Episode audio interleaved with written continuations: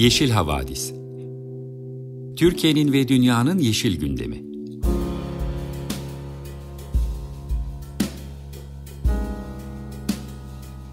Hazırlayan ve sunanlar Demet Yaman Er, Savaş Çömlek, Dilan Altın Makas, Sare Abit ve Tansu Yeşilkır.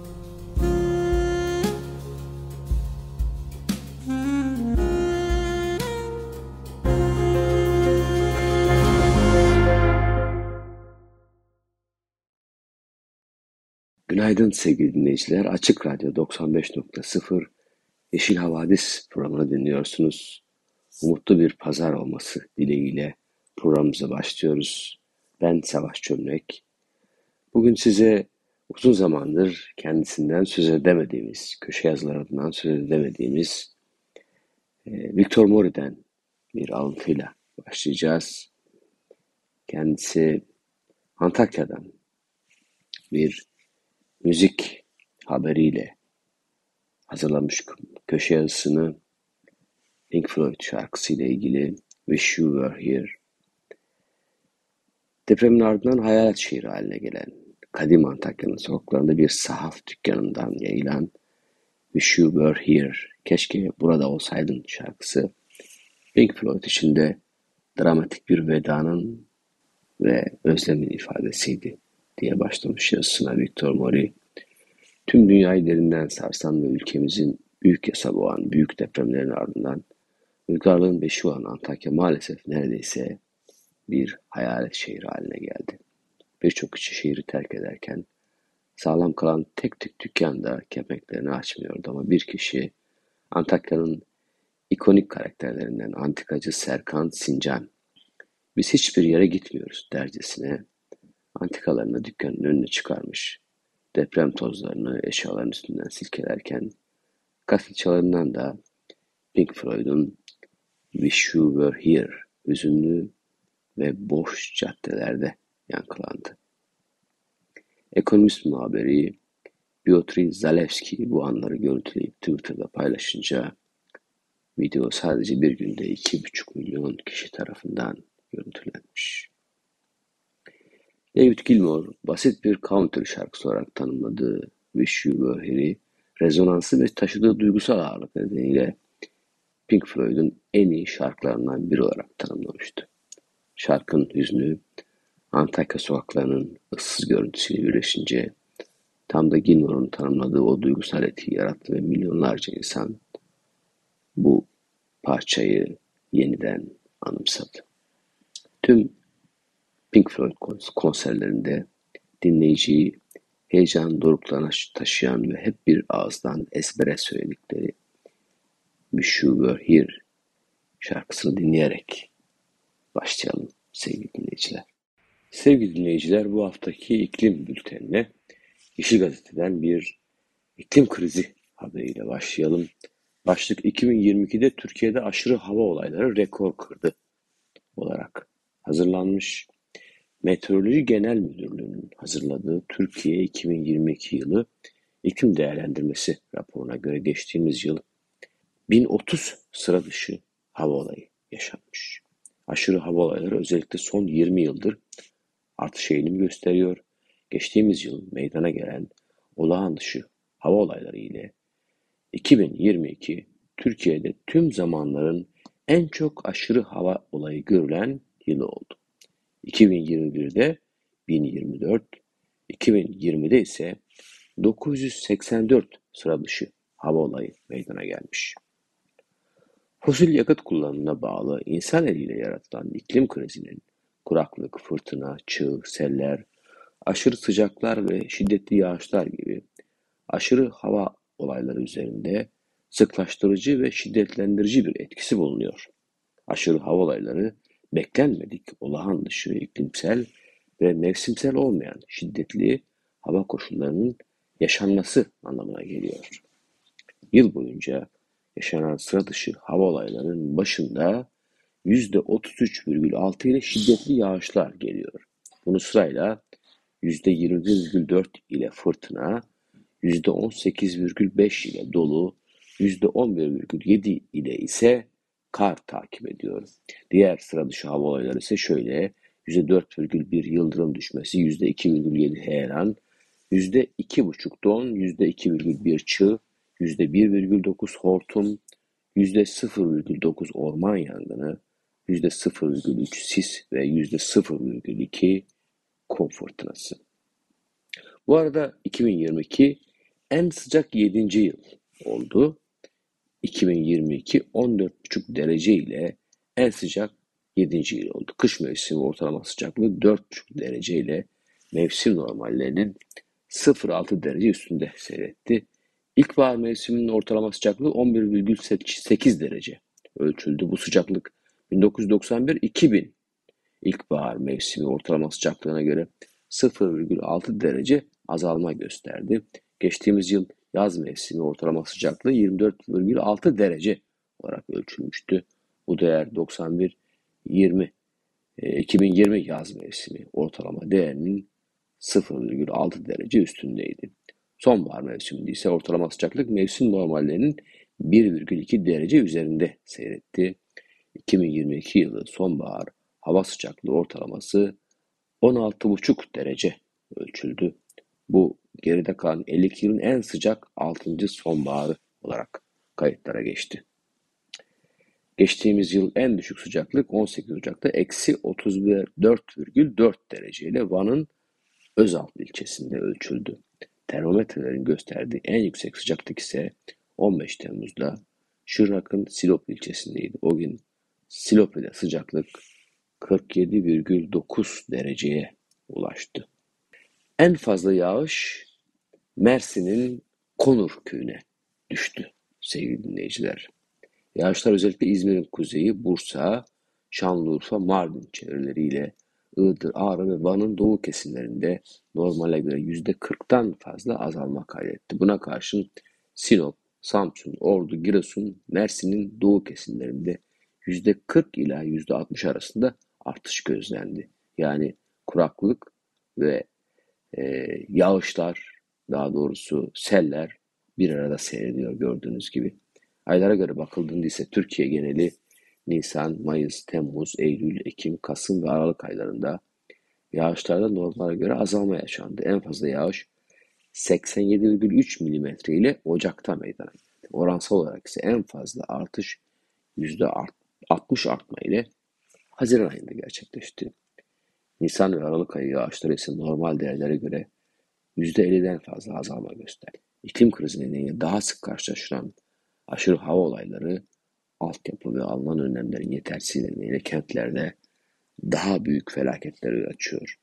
Kentlerin daha dirençli hale getirilmesi için gerekli adımlar da atılmadığı için bedeli de tabii ki daha fazla can ve mal kayıplarıyla ödeniyor. Yakın zamanda hemen depremin ardından deprem bölgesinde yaşanan sel felaketleri bunun en dramatik örneklerinden birisiydi. İklim bülteninin bir sonraki haberi ise uzak doğudan, Tayland'dan Asya'daki ağır hava kirliliğinin altında küresel adaletsizlik yatıyor başlığıyla yapılmış. Birleşmiş Milletler Çevre Programı'nın verilerine göre dünyada her yıl 6,5 milyon kişi hava kirliliği kaynaklı hastalıklar nedeniyle hayatını kaybediyor. Ölümlerin %70'i ise Asya Pasifik bölgesinde görülüyor. Asya Pasifik'teki hava kirliliğine dikkat çekmek ve temiz hava hakkı için mücadele etmek amacıyla kurulan Tayland Temiz Hava Ağı'nın kurucusu Weinerin Lülütanonda Asya'nın pek çok ülkesinde insanların günlük aktivitelerini planlarken hava durumunun yanı sıra havanın kalitesini de kontrol etmek zorunda kaldığını anlatmış. Lülütanonda eğer hassas bir yapınız, solunum yollarında alakalı bir hastalığınız varsa ya da hamileyseniz dışarı çıkıp çıkmayacağınızı havanın kalitesine göre belirleyebiliyorsunuz. Bazen verilere göre, verilere gerek kalmıyor bazen. Gözle görülebiliyor zaten. Havanın kirli olduğu. Asya ülkeleri arasında özellikle Çin ve Hindistan'da durum oldukça kritik.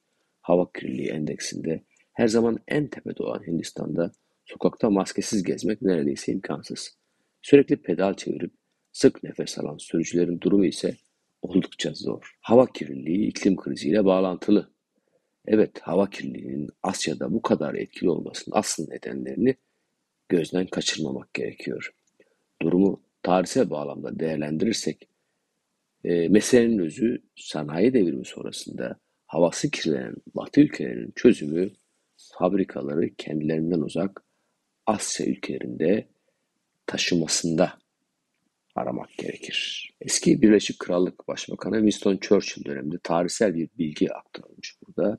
Hava kirliliği kaynaklı yaşanan öldüren sis vakasını hatırlatmış. Yeşil Gazete kirli hava yüzünden 500 kişi hayatını kaybetmişti. O tarihten sonra Avrupa hava kirliliğini çözmek için epeyce mesafe kaydetmiş. Tabii ki buldukları çözüm adil değil. Benzer süreçler ABD'de yaşanmış. Şu an dünyanın en büyük üretim merkezi Çin, Hindistan, Endonezya ve Filipinler gibi Asya ülkeleri. Batı ülkeleri hava kirliliği sorunu kendi havasını kirleten fabrikaları Asya'ya taşımakta bulmuşlar. Bunun adil olmadığı da muhakkak. Lülitanon da bununla ilgili bu bir küresel eşitsizlik meselesidir demiş. Kimse bunu konuşmuyor. Öyle ki bu ülkeler artık hava kirliliği konusunu gündeme getirmiyorlar bile. Daha çok iklim değişikliğini konuşuyor Batı ülkeleri. Halbuki bu durum küresel fonların dağılımını da dönüştürüyor. Bugün iklim kriziyle mücadele için belirlenen fonların yalnızca yüzde ikisi hava kirliliğine yönelik. Günün sonunda hava kirliliği ve iklim krizi birbiriyle ilintili meseleler. Tayland Temiz Hava Ağı bünyesinde ABD'nin Los Angeles kentinde çalışma yürüten araştırmacıların bulgularından örnekler veren Luli Tanon da şu bilgileri paylaşmış. Bölgedeki hava kirliliğinin kaynaklarını çözmeye çalışırken belirledikleri kaynaklar dışında kalan bir miktarın nereden geldiğini çözemediler. Nihayetinde bu kalan kısmın Çin'den geldiğini anladılar. Çünkü hepimiz aynı göğün altındayız. Havayı bölemezsiniz ya da ona sınır koyamazsınız. Bu küçük partiküller beklenenin çok ötesinde uzaklara gidebilirler bilgisini paylaşmış. Küresel hava kirliliği ile ilgili ilginç verilerin, çarpıcı bilgilerin paylaşıldığı bu haberin ardından ekoloji bültenine geçeceğiz. Ekoloji bültenine başlamadan önce bir müzik arası verelim istiyoruz. Programa başladığımız gibi yine Pink Floyd dinleyelim. Brain Damage, Dark Side of the Moon albümünden. Sevgili dinleyiciler ben Savaş Çölmek. Yeşil Havadis Ekoloji Bülteni'ni dinliyorsunuz. İklim Bülteni'nde olduğu gibi Ekoloji Bülteni'nde de yine iklimle ilgili bir habere yer vereceğiz. Yeşil Gazete'de yayınlanan bir araştırma haberine göre iklim değiştikçe sel ve kuraklıklar daha sık olacak, daha uzun sürecek. Yeni yapılan araştırmanın verdiği bilgilere göre şiddetli kuraklık ve yağışların yoğunluğunun son 20 yılda keskin bir artış gösterdiğini anlıyoruz. Şiddetli kuraklık ve şiddetli yağışlar sert ve tehlikeli bir hava olayından ibaret olarak görülse de mahsul kıtlığı, altyapı hasarları, hatta insani krizler ve çatışmalar gibi durumlarla yakından ilişkili. Nature Water dergisinde yayınlanan bir çalışma, yer çekimi kurtarma ve iklim deneyi olarak bilinen bir çift uydudan alınan verileri kullanarak suya dair büyük resme ulaşmaya çalışmış. Uydular yeraltı suyu, yüzey suyu, buz ve kar dahil olmak üzere kar üzerinde ve içerisindeki tüm suları inceleyerek dünyanın su deposundaki değişiklikleri ölçmek için kullanılmış. Veriler aşırı iklim koşullarıyla artan küresel ortalama sıcaklıklar arasında güçlü bir bağlantı olduğunu göstermiş. Fosil yakıtların kullanımı ve sera gazı açığa çıkaran diğer insan faaliyetleri nedeniyle hem yağışların hem de kuraklığın sıklığının ve şiddetinin arttığını doğruluyor. Euronews'ten Angeli Simons'ın aktardığına göre çalışmanın yazarlarından ve NASA Goddard Uzay Uçuş Merkezi'nin hidrosfer, biyosfer ve jeofizik alanlarında yer bilimleri müdür yardımcısı Matthew Rodel küresel yoğunluğun küresel ortalama sıcaklıklarla ne kadar yakından ilişkili olduğunu görünce şaşırdım demiş. Daha sıcak bir atmosfer kuru dönemlerde suyu buharlaşma hızını artırıyor. Ayrıca daha fazla su buhar tutması nedeniyle şiddetli yağışları da tetikliyor. Bu da küresel ısınmanın devam etmesi halinde birçok açıdan daha çok, daha kötü, daha sık ve şiddetli, daha uzun ve daha geniş alanları kapsayan kuraklık ve yağışlara yol açacağını anlıyoruz. Araştırmacılar normalden daha nemli ve daha kuru olan alanları belirleyen yeni bir algoritma kullanarak 2002-2021 yılları arasında yaşanan 1056 olayı incelemişler. Araştırma en azından verilerin sonu olan Aralık 2021'e kadar en olağan dışı yağışların Sahra altı Afrika'da meydana geldiğini göstermiş. Çalışmaya dair görüşlerini belirten Columbia Üniversitesi'nden iklim bilimci Richard Seeger, su kaynaklarının yönetimi ve taşkın kontrolü açısından geleceğe baktığımızda aşırı yağışların daha nemli ve kurak aşırı bölgelerin daha kuru olacağını tahmin etmekteyiz demiş. ABD Ulusal Entegre Kuraklık Bilgi Sistemi'ne göre ise ABD'de aşırı hava olaylarından kaynaklanan yıllık ekonomik kayıplar %20'si sel ve kuraklıklardan kaynaklanmış. Ayrıca Avrupa Birliği'nin iklim değişikliği ilgili aşırılıklar son 10 yılda 145 milyar euronun 2,9 trilyon lira üzerinde ekonomik kayba neden olmuş. Bu aşırı hava koşullarından en çok Fransa, İtalya ve Almanya etkilenmiş. Bazı bölgelerde aşırı kuraklık ve benzeri görülmemiş sel baskınları arasında sert bir salınım yaygınlaşmaya başlamış.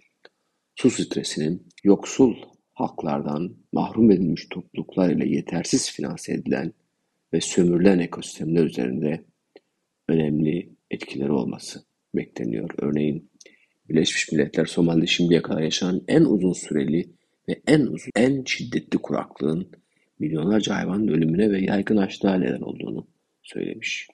Çözümlere gelince çalışma tükenmiş akiferlerin doldurulması için sel sularının kullanılması, suyu daha iyi emebilmesi ve daha fazla karbon depolayabilmesi için tarımsal toprağın sağlığının iyileştirilmesi, ısınan bir dünyada su direncini artırabilecek yöntemlerden sadece birkaçı olarak sıralanmış. Bir bilimsel araştırmadan yapılan alıntılarla oluşturulan bu haberin ardından afetlerin yakın zamanda yaşanan sel felaketinin niçin ortaya çıktığına dair afetlerin insan ile nasıl davet edildiğini anlatan bir gazetecilik çalışmasıyla devam edeceğiz. Yine Yeşil Gazete'den aldığımız bir haber. Selde göle dönen kavşağın müteahhidi deprem konutu ihalesini de almış. Urfa'yı vuran sellerde dört kişinin can verdiği ve onlarca yurttaşın mahsur kaldığı dere yatağına inşa edilen Abide Köprülü kavşağının müteahhidi Gürbağ İnşaat'ın Maraş'ta 1 milyar 640 milyon liraya 863 kalıcı konut yapmak üzere iki ayrı ihaleyi de aldı ortaya çıkmış. Bir günden Nurcan Gökdemir'in aktardığına göre 3 Aralık 2022'de açılan Abide Kavşağı'nın viyadüklerini yapan firmaya verilen ihale 24 Şubat günü Maraş'ın Dulkadiroğlu ilçesinde 258 konut inşa etmek için pazarlık usulü ile verilmiş. Yaklaşık maliyeti 400 milyon TL olan konut, altyapı ve çevre düzenlemesi işi içinde 399 milyon 721 bin liralık makul teklif Gürbağ İnşaat, Metsan Asfalt ortaklığından gelmiş. Göksun ilçesi Yantepe mahallesinde inşa edilen 605 konut ile altyapı ve çevre düzenlemesi ihalesi de yine aynı şirket ve ortaklarına verilmiş. Şanlıurfa Büyükşehir Belediyesi'nin prestij projesi olarak tanıtılan ve 3 Aralık 2022'de Cumhurbaşkanı Recep Tayyip Erdoğan tarafından açılışı yapılan Abide Köprülü Kavşağı'nın yapımı 210 günde tamamlanmış ve 105 milyon liraya mal olmuştu.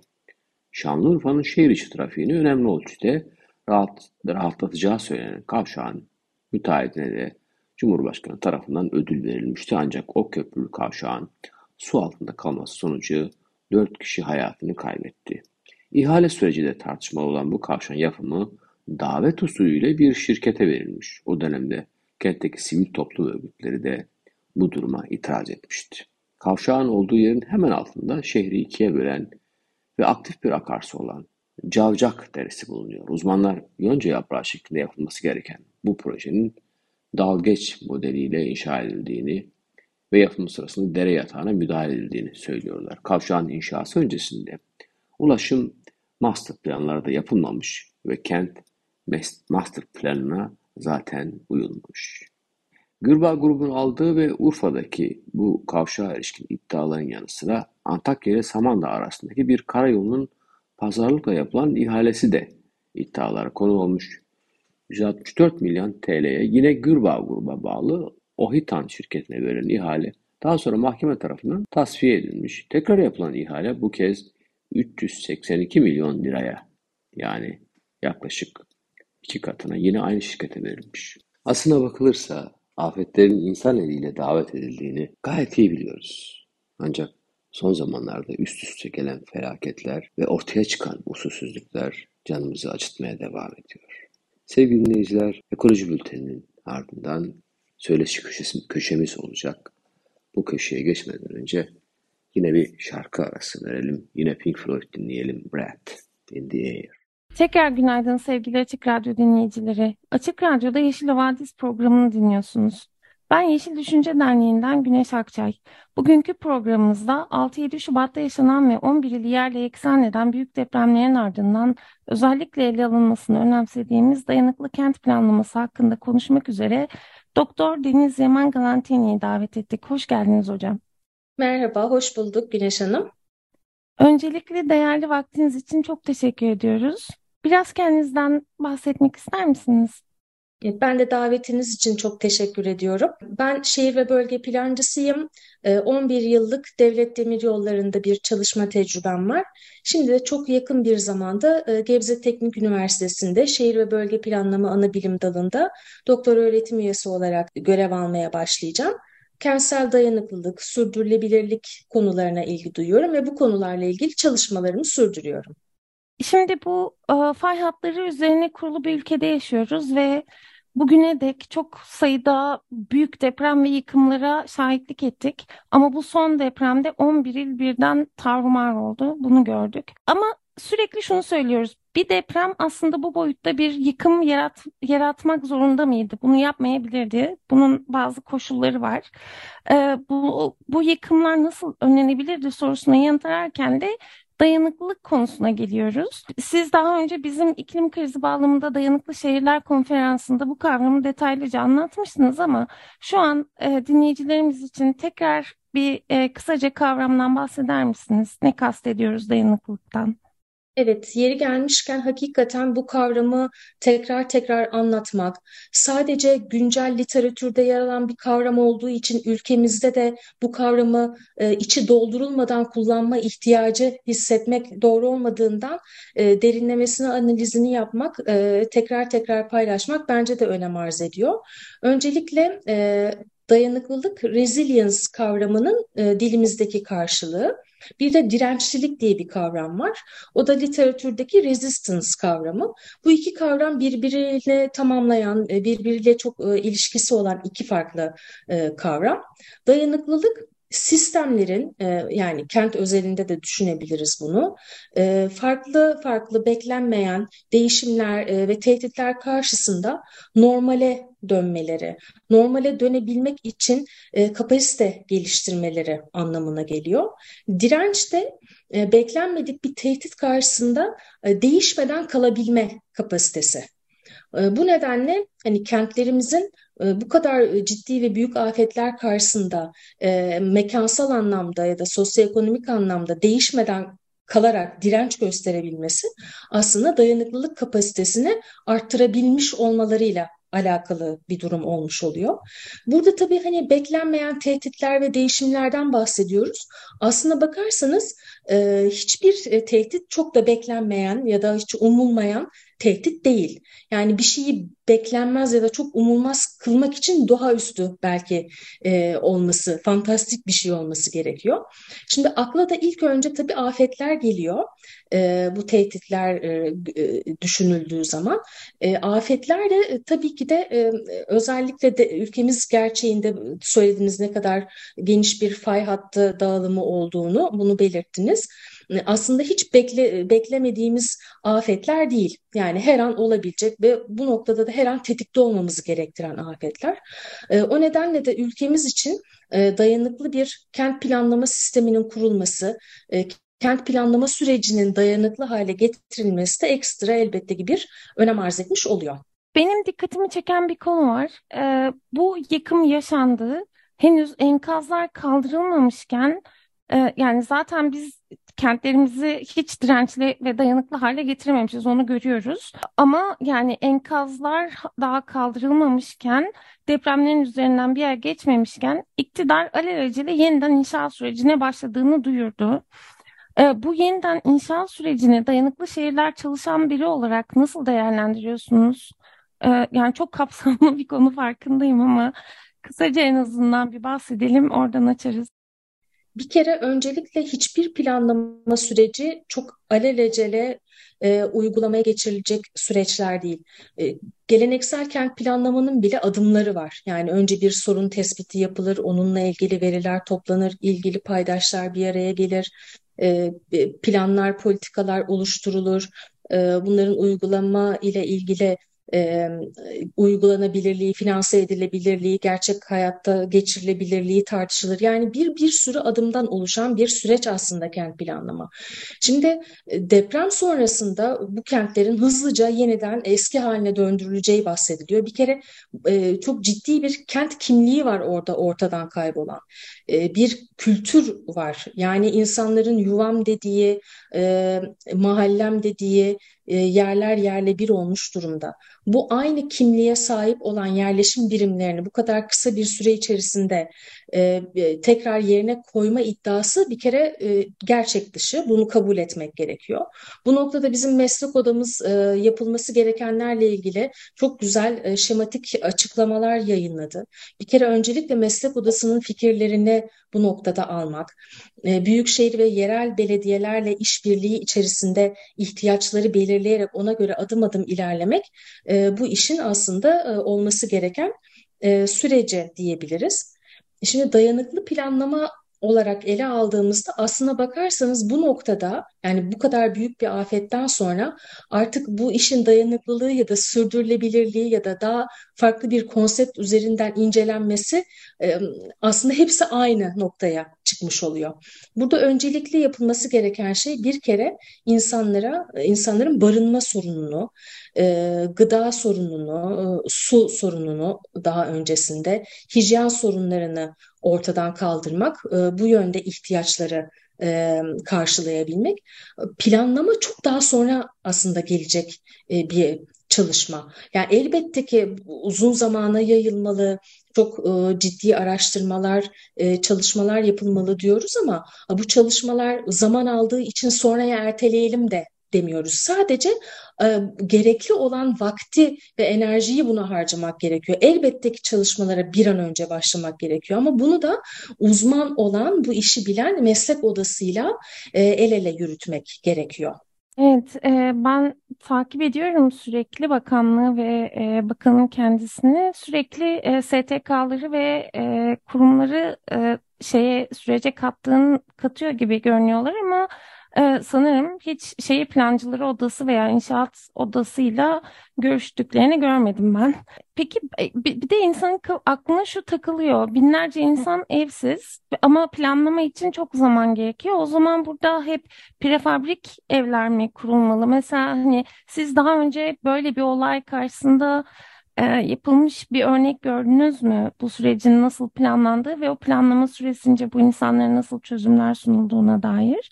嗯。哼 Bir kere e, öncelikle bu hakikaten yaşadığımız afet hepimizin herhalde hayatında ilk defa gördüğü büyüklükte ve yani umarım bir daha da hani tekrar e, tecrübe etmeyeceğimiz kadar büyük bir felaket. E, şimdi insanların elbette e, çok uzun süreler boyunca prefabrik evlerde yaşamaları da yaşam kalitesi bakımından hani konfor bakımından doğru olmayacaktır. Fakat burada önemli olan bir nokta var. E, bu kentlerimiz maalesef çok fazla göç vermiş vermeye başladılar. Ve e, insanların göç ettikleri şehirlerde de adaptasyon problemleri, kendilerine ait hissetme, iş olanakları ya da e, çocukların o, okul kayıtları ile ilgili ciddi problemler yaşanabiliyor. O nedenle elbette çok kısa e, bir süre içerisinde e, yeni yerleşim alanlarının oluşturulması ve insanların yine alışmış oldukları kentlerinde e, barınmaları ve o kent nüfuslarının da dengeli bir şekilde kontrol altına alınması, göçü de kontrol altına e, alınması çok büyük önem arz ediyor. Fakat dediğim gibi şimdi bu kadar ciddi fay geçtiği şehirlerde yıllarca hiç kontrol edilmeden yapılmış e, bir yerleşim düzeni var. E, o nedenle artık bundan sonra e, hani Kocaeli depreminden e, ders almadığımız çok belli. Bundan sonra yine benzer şekilde e, afetlerle karşılaşmamak adına da e, ne kadar süre gerekecekse o süre kullanılmak zorunda olacak maalesef. Evet, anlıyorum. Bu arada benim dikkatimi çeken konulardan bir tanesi de şu oldu. Olayın ekolojik ve iklim krizi boyutu. Şöyle ki enkazlar ayrıştırılmadan, örneğin asbestten veya başka zehirli malzemelerden ayrıştırılmadan sulak alanlara ve meralara taşındı. Taşınıyor, olduğu gibi yığılıyor. Hı hı. Ee, sulak alanlarda derelere özellikle e, yığıyorlar ve e, şunu düşünüyorum.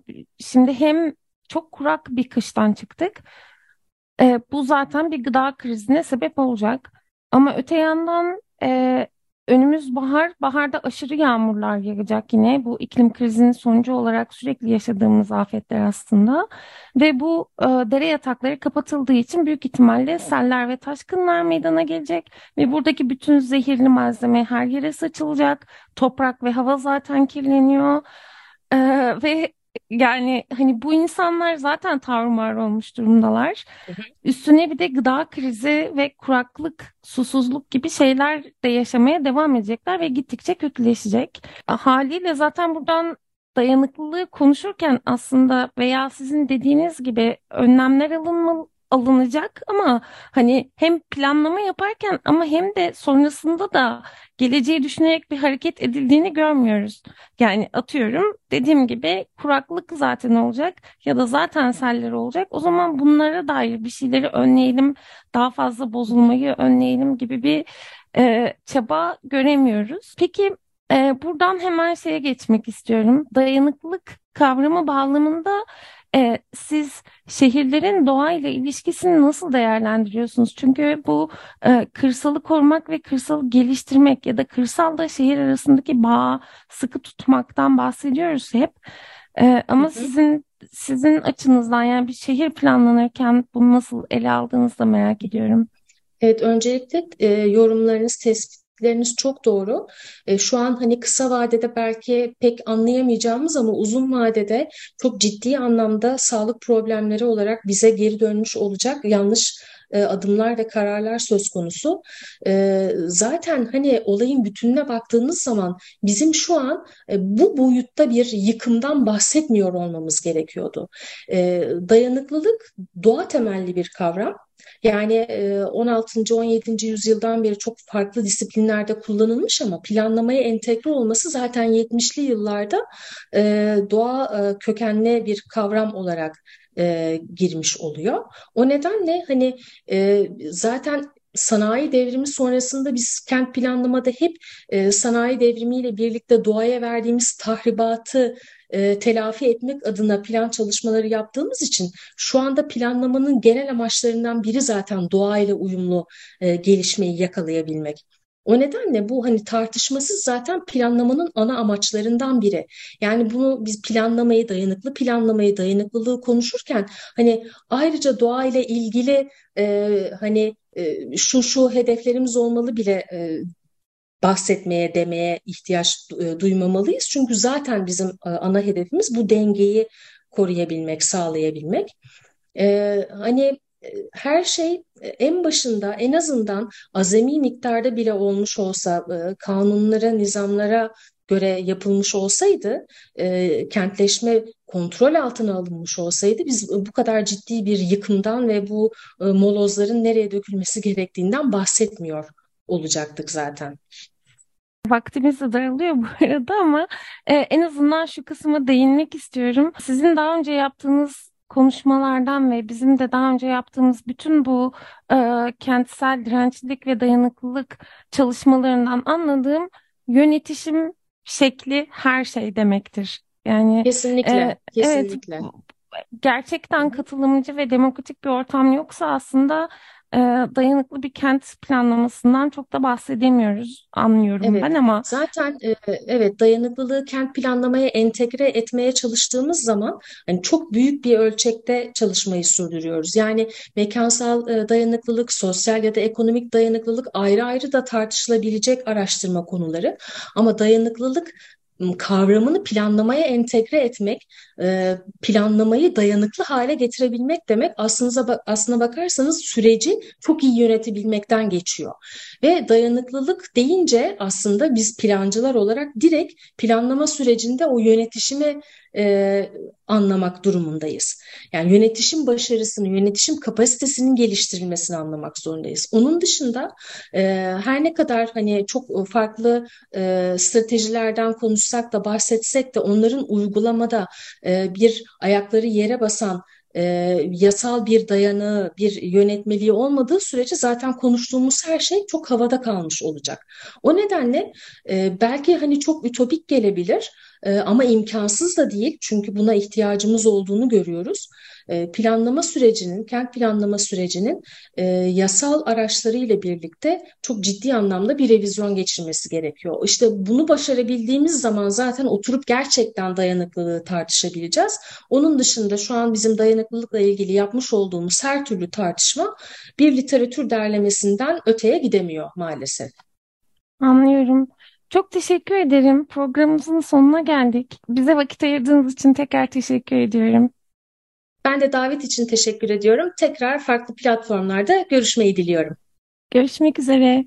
Sevgili dinleyiciler, Güneş arkadaşımızın Deniz Yaman Galantini ile dayanıklı kentler ve afet üzerine yaptığı söyleşinin ardından programımızın sonuna gelmiş bulunuyoruz.